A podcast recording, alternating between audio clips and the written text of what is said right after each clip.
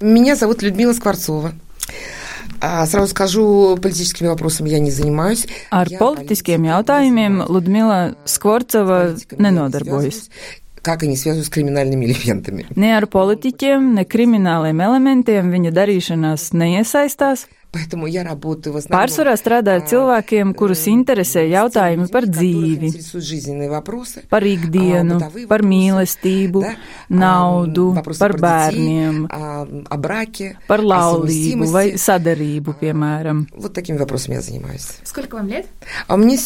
Jūs viņu dzirdat tādēļ, ka viņa dzīvo Rīgā, viņai ir 61, viņa ir krieviete, un tāpēc, ka viņa nodarbojas ar astroloģiju образование инженер-конструктор, я закончила Рижский технический университет. Bet tikpat labi Ludmila varētu stāstīt par augstāko izglītību.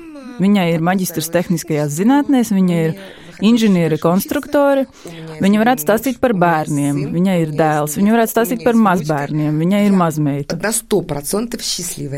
Ludmils dzīve noteikti ir daudz lielāka, un mēs to daļu nemaz neredzam, jo cilvēks nav kaut kas viens. Un tas ir arī iemesls, kādēļ 1,9 miljonus cilvēku satilpināt 100 cilvēkos nav viegli. Latvijas radio ziņu dienests un LSM LV piedāvā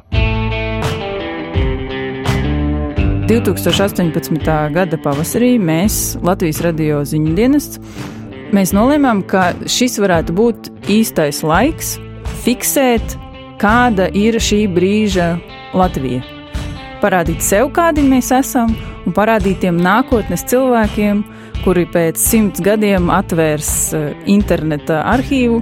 Viņi varēs redzēt, par ko šie cilvēki runāja, domāja, kādi viņi bija. Statistiskie tautieši. Simts unikāli stāsti par cilvēku parasto. Pirmā sērija Nu, labi. labi, varbūt mēs. Man nav varam... mazākā nojauta, ko mēs tagad darīsim. Nevienam. Okidoki. Varbūt mēs varam tad norganizēt to sākumu tā, ka mēs pasakam, ka mēs šeit vairāk sēžam, veseli četri. Mani sauc Justīna Savicka. Un es esmu Rudīts Pakovska. Ko tu darīji? Uh, šajā projektā esmu tā, kas izveidoja to pirmo simts rāmi. Uh, arī šīs te dažādās pazīmes, pēc kurām mēs varētu mēģināt ieraudzīt to Latvijas sabiedrību. Uh, Un tad es pārmetu krustu un iedevu kolēģiem. Mani sauc Kristaps Feldmanis, un es šo te rāmi aizpildīju daļēji. Mani sauc Anna Petrova, es meklēju cilvēkus un sarunājos ar viņiem. Patiesībā nu, tā, tā statistika ir diezgan liels ķīsels, un no viņas ir grūti uzzīmēt to, to, to pilnīgo ainu. Uh, tas, ko es ļoti ātri sapratu, ka, ja mūsu mērķis ir salikt šos simt cilvēkus, kuri parādītu Latvijas sabiedrību ar visu skaistumu, visu uh, pārsteidzošajiem faktiem, ar visu labo, visu slikto, uh, tiem, kam izdodas, tiem, kam netik ļoti kaut kas izdodas, kad tāda simtprocentīga statistiski droša ainava īsti nav iespējama. Un tad tika pieņemts lēmums, ka šīs lielās pazīmes, dzimums, vecums, vieta, tautība būs nu, tādas, kurām mēs vairāk turēsimies pie šī statistiskā rāmja, un tad būs vairākas tās pazīmes, kuras būs vairāk reprezentējot kaut kādu sabiedrības grupu. Ludmilai, piemēram, mēs jautājām par astroloģiju, jo Latvijā ir 13 astrologu, zilnieku un tiem radniecīgu profesiju darbinieku. Tie ir oficiāli reģistrētie pēc valsts ieņēmuma dienesta datiem 2018. gada jūlijā. Jautājumi, kurus Ludmilai parasti uzdod, ir daudz sarežģītāki. Uzslavīt rībjonka. Vai man adoptēt bērnu, vai es uzvarēšu tiesā? Kuru no diviem vīriešiem labāk izvēlēties dzīvē? Tātad virkne, virkne dažādu sarežģītu jautājumu. Mums, Latvijas radio ziņu dienestam, joprojām gan palikuši tādi, ar kuriem astroloģija visdrīzāk nenodarbojas. Kas ir cita tautība? Manā pasē ir rakstīts latvieta, bet tikpat labi es varētu būt arī baltkrieviete, es varētu būt lietuviete. Tādēļ, ka manos rados ir arī nu, iespēja identificēties ar šo tautību. Vai es esmu latvieta vai igaunieta, ir ļoti grūti pateikt. Piemēram, arī ar sievieti, kas runā igauņu valodā no jūrmālas saivu plauču. Manuprāt, ļoti interesanti viņa pateica, ka eh, dzīvojot Latvijā, es cenšos izmantot katru iespēju, kad es varu izvilkt savu Igaunijas karogu un staigāt ar to un būt lepna, bet eh, viņa arī atzina, ka ja viņa dzīvotu Igaunijā, tad viņa pilnīgi noteikti rīkotos otrādi. Tad es atkal staigātu ar Latvijas karogu, un tam man būtu ļoti svarīgs šis latviskais. Tā kā pateikt, kas es īsti esmu, ir ļoti, ļoti grūti. Un tas ir, cik es esmu dzirdējusi, nu, daudziem šiem te cilvēkiem, kam ir dažādi tautību vecāki, ka viņi nevar izšķirties, kam vairāk piederēt. Un tad ir tā, ka Latvijā es varu teikt, ka es esmu Igauniet, kaut gan uz Igauniju ceļojot, es vienmēr braucu ar Igauņu pasu. Latvijā es lietoju Latvijas pasu. Bet es zinu, ka arī mm, manam tēvam bija pārdomas par to, lai varbūt mainīt tautību uz sava tēva tautību, un tā būtu būrets. Un es saprotu, ka cilvēki bieži vien viņiem prasa, nu, kāda tautība jūs esat, un viņi tā mazliet tā kā samulst. Nu, jo pirmkārt, cilvēki īsti nesaprot, eh, nu, kur, kur tā atšķirība ir, nu, kā pilsonība, kas ir pilsonība, kas ir tautība, tad vēl ir mm, vesels bars visādi citu nosaukumu, tur ir etnicitāte, ir nacionālā piedarība, tad vēl Ģimenē lietotā valoda, jā. jā. Un tad man rodas jautājums, es ar vienu vecāku runāju vienā valodā, ar otru runāju otrā valodā, tad kā izvēlēties, ar kuru es biežāk sarunājos vai kā tam līdzīgi? Nu, Ko nozīmē tautība? Ko darīt ar pilsoņiem un nepilsoņiem? Vai mums vajadzētu skaitīt klāt pilnīgi visus statistikas datus, eh, kas ir pieejami, un tas tad būs tas, lūk, kā mēs parādīsim, kāda ir Latvijas sabiedrība. Mēs sapratām, ka tas nav ne fiziski izdarāms, ne tas ir nepieciešams. Jo patiesībā svarīgāks jautājums ir, kas izveidojis cilvēku dzīvi par tādu, kāda tā ir. Kādi ir tie notikumi, kādi ir tie cilvēki, kāda ir viņu pieredze, kas ir izveidojusi arī mūsu, mūsu sabiedrības kopējo šodienas dzīvi? Mani sauc Marija Ubele. Eh, Marija Ubele, ar kuru es runāju šeit pat Rīgā, Iznāk, ka man ir 91 pilnais, 92 nav pilnais gads vēl. Marijai Ubelai ir 91 gads. Es neesmu pilsone. Es eh, līdz 64. gadam dzīvoju Krievijā ar visu ģimeni. Vīrs izdomāja, ka vajag braukt pie vecākiem, pie viņa vecākiem uz Latviju. Nu, mēs atbraucam, mēs dzīvojam slāpē. Man bērni bija četri. Slimoja numura divi. Vienam bija 41 gads, otram 64 gadi numura viņš. Maz bērnu man astoņi. Maz, maz bērnu, pošu mazāku. 12. Bet, ja cilvēkam ir stāsts par to, ka es audzinu bērnu viens pats, tad viņi stāsta par to, ka es audzinu bērnu viens pats, dzīvojot Reizeknē vai vienalga kur. Un tas nepilsoņi, nu, ir mēs viņiem visiem arī piedod nepajautājām, uh, ja cilvēks stāsta, piemēram, par to, ka es saņemu minimālo algu, vai jums nejauši nav bijis arī aborts. Nepilsoņiem nav tikai nepilsoņu stāsts. Viņi dzīvo dzīvi tāpat kā mēs. Ar viņiem notiek visādas citas lietas. Viņi ir visādās situācijās, kuras arī parāda to Latviju. Ja? Tas, tas nepilsoniskums nav viņu identitātes uh, sākums, beigas un, un kodols. Nu jā, ir jau tā, ka mēs uh, tiešām par sevi, nu sevi kaut kādās, mēs sevi nekategorizējam. Mēs tā nedarām ar sevi, mēs ar citiem tā darām, mēs domājam par citiem cilvēkiem kategorijās.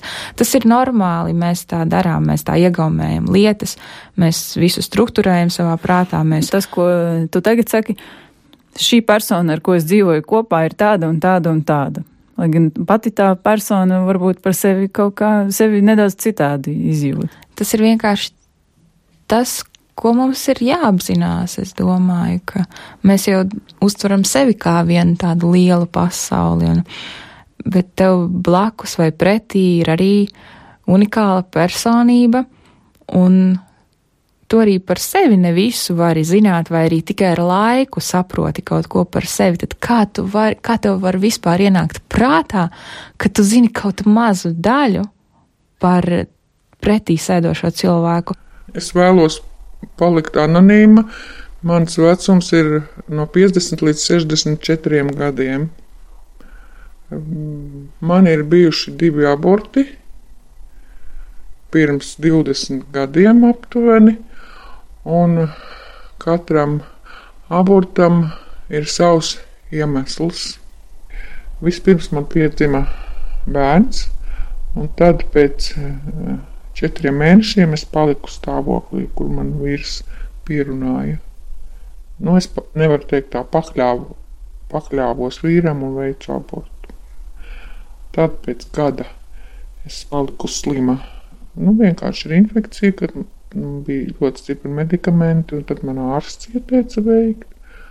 Un tad pagāja vēl gads, kad es paliku stāvoklī, kad mani atkal visi atrunāja, kad, lai es veicu abortu, ko es šoreiz neiz, neizdarīju. Nu, tad es piedzemdēju mirušu bērnu. Tāds ir mans stāsts. Tas sanāk četras man ir bijušas. Četri bērni, no kuriem ir tikai viens, bet varēja būt četri. Man visu laiku bija smaga sirds, un nožēlojies to visu, visu laiku. Ja? Nu, protams, es laiku neraudāju, jo man bija bērns. Centos, eh, faktiski aizgāju darbā, strādāju. Tā es centos eh, sevi eh, kā sacīt, par to nedomāt. Vienkārši bērns, kas bija, tam bija viss, jā, protams, laiku viņiem veltīja. Mājās arī bija viss, un ēst, un kārtība, un viss bija kārtībā, bet uh, mājas pavada laikam vairāk nebija. Es analizēju, un es līdz šim brīdim nesaprotu. Es kādas, es līdz šim brīdim nesaprotu, kāpēc es pakļāvos viņam un uztaisīju veicu abortu. Man liekas, ka pat tagad man ir vēl grūtāk, jo tad kaut kā tā dzīve ritēja, un, un mazs bērns, un, un, un, un ģimene, ja to varēja saukt par ģimeni, jāiet, bet nu vienalga, kamēr tas bērns aug. Tā kā es vienkārši gribu dalīties savā pieredzē, lai citiem nav tā kā man. Un kā nedrīkst nosodīt nevienu sievieti, nevienu nedrīkst, tāpēc, ka katra situācija ir jāskatās ļoti individuāli, ļoti. Bet mēs sabiedrībā par daudz ko atklāti nerunājam. Par smagām un grūtām tēmām mēs sabiedrībā apkārt nerunājam. Mēs runājam par kaut kādām teatrālām scēnām brīžām, jā, ka kaut kas tur tāds notiek, jā. Bet par to pašu dzīvi, to, ko vajadzētu risināt. Ja.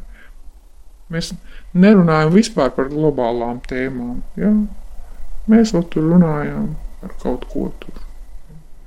Man ir mazs stāsts par tiem. Es vienkārši tikko tā, tā sapratu, ka uh, mēs daudz runājam par tiem latviešiem, tām īpašajām pazīmēm, par to, ka mēs bieži vien nezinām šiem cilvēkiem uz blakus tos viņu stāstus vai, vai to, ko viņi ir piedzīvojuši.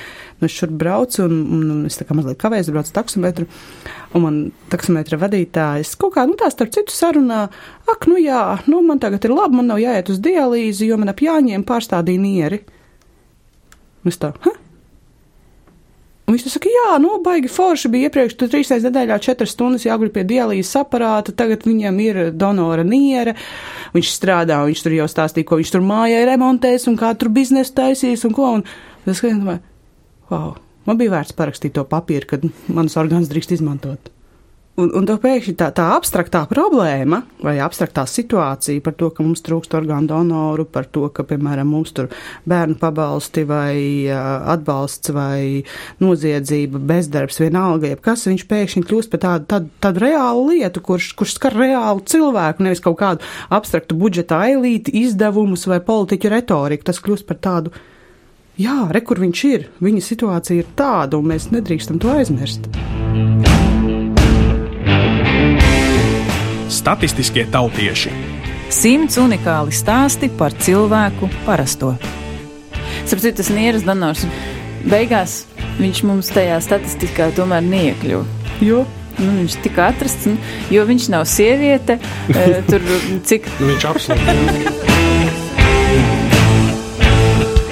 Mani sauc Justīna Savicka, bet šajā sērijā dzirdētos statistiskos tautiešus atrada un intervēja Annija Petrova un Kristaps Feldmanis.